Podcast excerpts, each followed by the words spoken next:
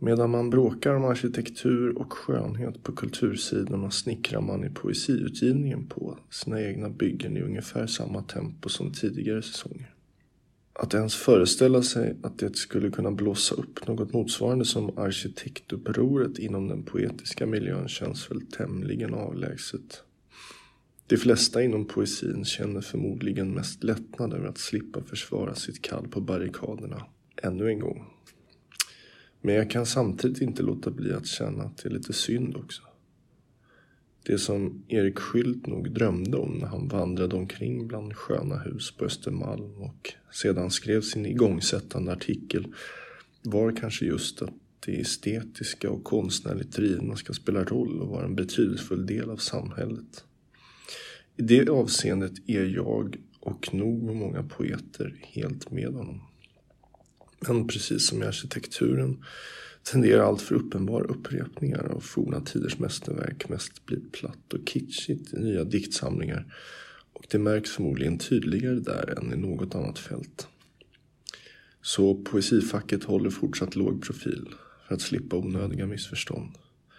Men ändå säger det nog något om hur extremt marginaliserad poesin är att knappt ens någon frågar sig om poesin kan vara en lika aktiv del av samhällslivet som den avancerade arkitekturen.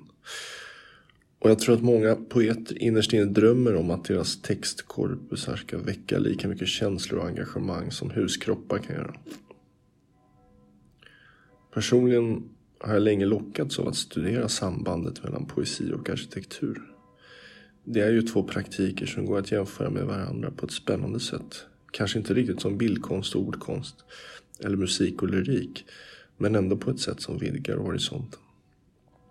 Och kanske är det inte heller en slump att den italienska poeten Elisa Biagini i en intervju med Anna Lundvik i Lyrikvännen nummer 3-4 2019 säger att hennes böcker citat måste ha en arkitektur slutcitat där varje del behöver citat vara på sin plats annars rasar byggnaden ihop slutcitat. De ska beskrivas i skrivande.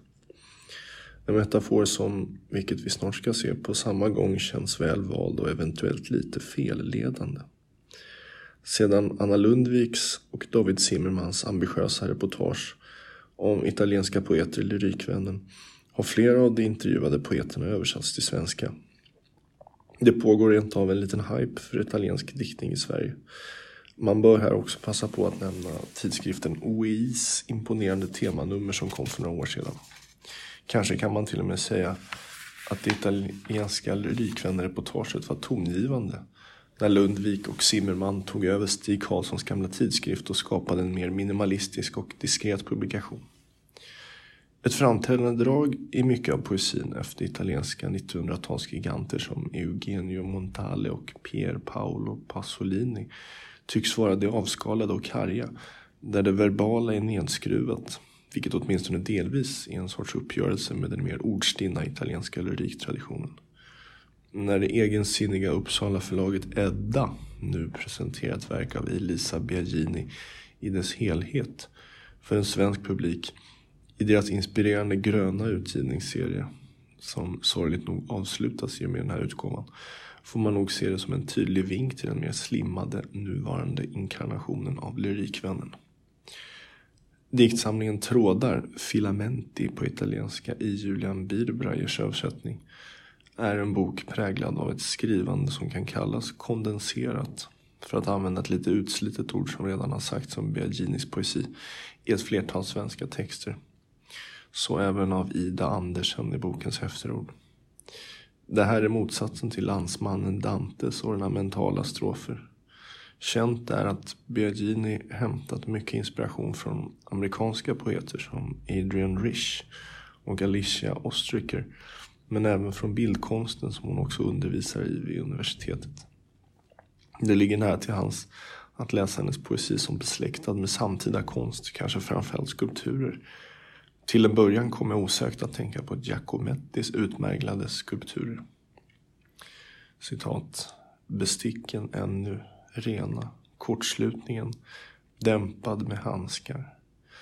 Den största bakterien finns i spegeln och nickar.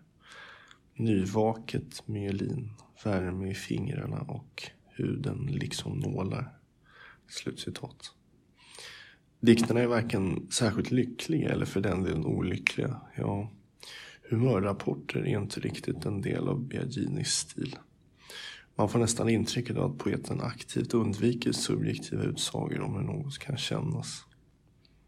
Istället får vi här korta noteringar som är mer som konstateranden, inte nödvändigtvis uttalade av en människa.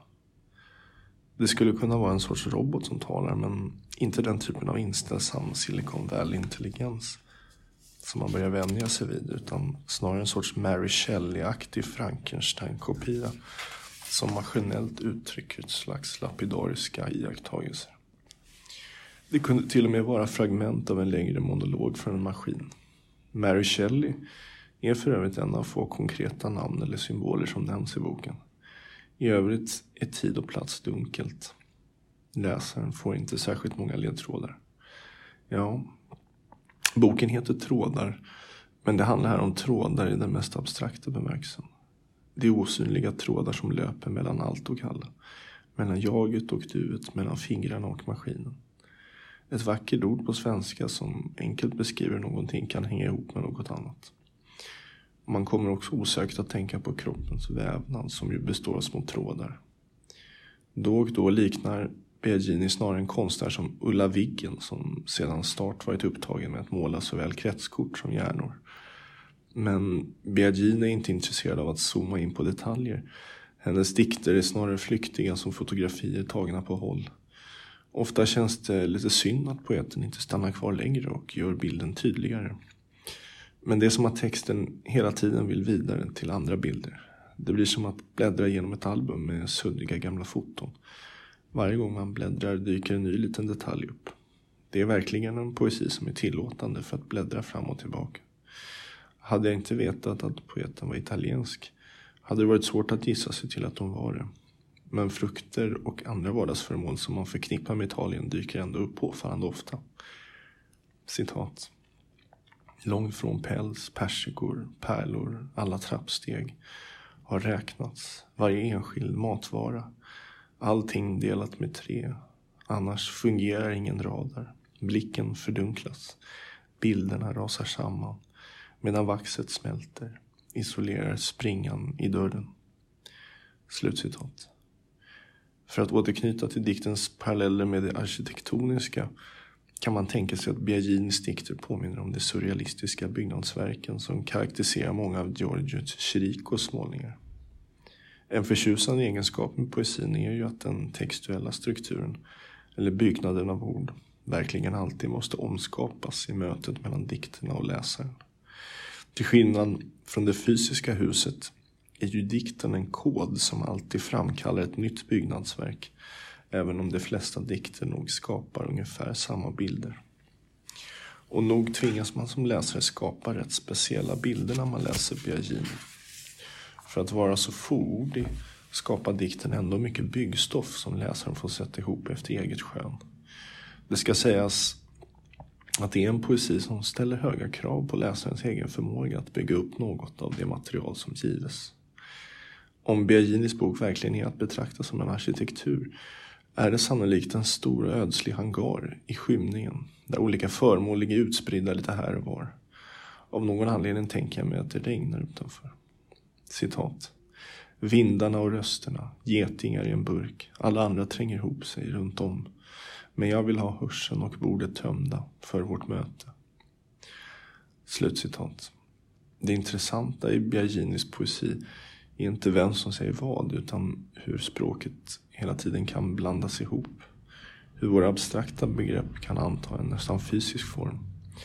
En dikt blir lika fysiskt påtaglig som en hundraårig byggnad. Tråden är ett tacksamt lyriskt verktyg då den både kan vara av tyg, cellplasma eller metall. Vad Biagini tycks vara intresserad av är att skapa en miljö som både är bekant, eller åtminstone vagt bekant, och ändå ny. Det låter lite motsägelsefullt, men Biagini lyckas rätt ofta. I intervjun i Lyrikvännen säger hon också att hon vill bryta upp språket men ändå vara kommunikativ. Det är ju även det något motsägelsefullt men kanske måste det få vara så. Citat. Väggarna glider upp. likt dörrar. Husets mynning är vidöppen. I ett ljus färgat av babysalva staplar jag tunna glasskivor, skriver recept, jag följer dig i din värld av ägg och stängda dörrar, väntar på att min andning ska öppnas. Slutcitat. Det är en ganska bedräglig poesi just i det att den växlar spår och går över till något helt annat just som man tänker. Att man sitter tryggt i passagerarsätet och har koll på läget. I själva verket är det ett ständigt ommöblerande av olika nivåer. Är dikterna snarare som en postmodern byggnadskonstruktion. Parallellt med Biagini läser jag en nyutkommen liten chapbook med 14 dikter av den amerikanske poeten Tao Lin. Omsorgen om textens arkitektur är där inte lika tydlig. Men jaget är ändå mer sammanhållet, vilket ger dikterna, trots att det spretar iväg betydligt mer än i Biaginis fall, en betydligt stabilare grund. Eller så är det det att jag har läst Taolin i flera år som gör att jag har lättare för att gå omkring i hans dikter. Men det är något med Biaginis dikter som inte riktigt fastnar. Jag försöker att kliva in i texten med ett öppet sinne, men jag vet inte om jag får särskilt mycket tillbaka. Det låter vackert när Biagini öppnar med orden citat, kom nära skrivandets spegel, slutcitat. Men vad betyder det egentligen? Det är en av många metaforer i boken som bara når en bit på vägen. En bit av en halvfärdig huskropp. Kanske är det tillräckligt att bygga med för rätt läsare. Trådar är en bok som är full av vackra rader som inte riktigt fullbordas. Vem eller vilka som yttrar orden kan man enbart gissa sig till. Mary Shelleys namn nämns som sagt på några ställen. Men hennes och Nikola Teslas namn blir mest hängande i luften i min läsning. Kanske är jag inte tillräckligt bekant med deras biografier. Men någonting säger mig att det inte riktigt är det som är problemet här. Problemet är snarare att poeterna satt en väldigt hög, abstrakt ribba. När jag läser om dikterna börjar jag tvivla på att poeten själv är på det klara med vad dessa underliga små meddelanden faktiskt säger. Citat. En dag kommer ordet. Just det där, inte ut, förblir väntande materia. En matta som rycks bort under fötterna. Du står orörlig kvar och söker hitta dess ton i rummet. Slutcitat. Titeln trådar är kanske ett bra val just för att det är ett ord som så enkelt fångar hur saker och ting hör ihop. Allt sitter ju ihop med trådar mer eller mindre synliga. Biagini säger själv i Lyrikvännen att hon värjer sig för att vara en citat, kroppens poet, slutcitat.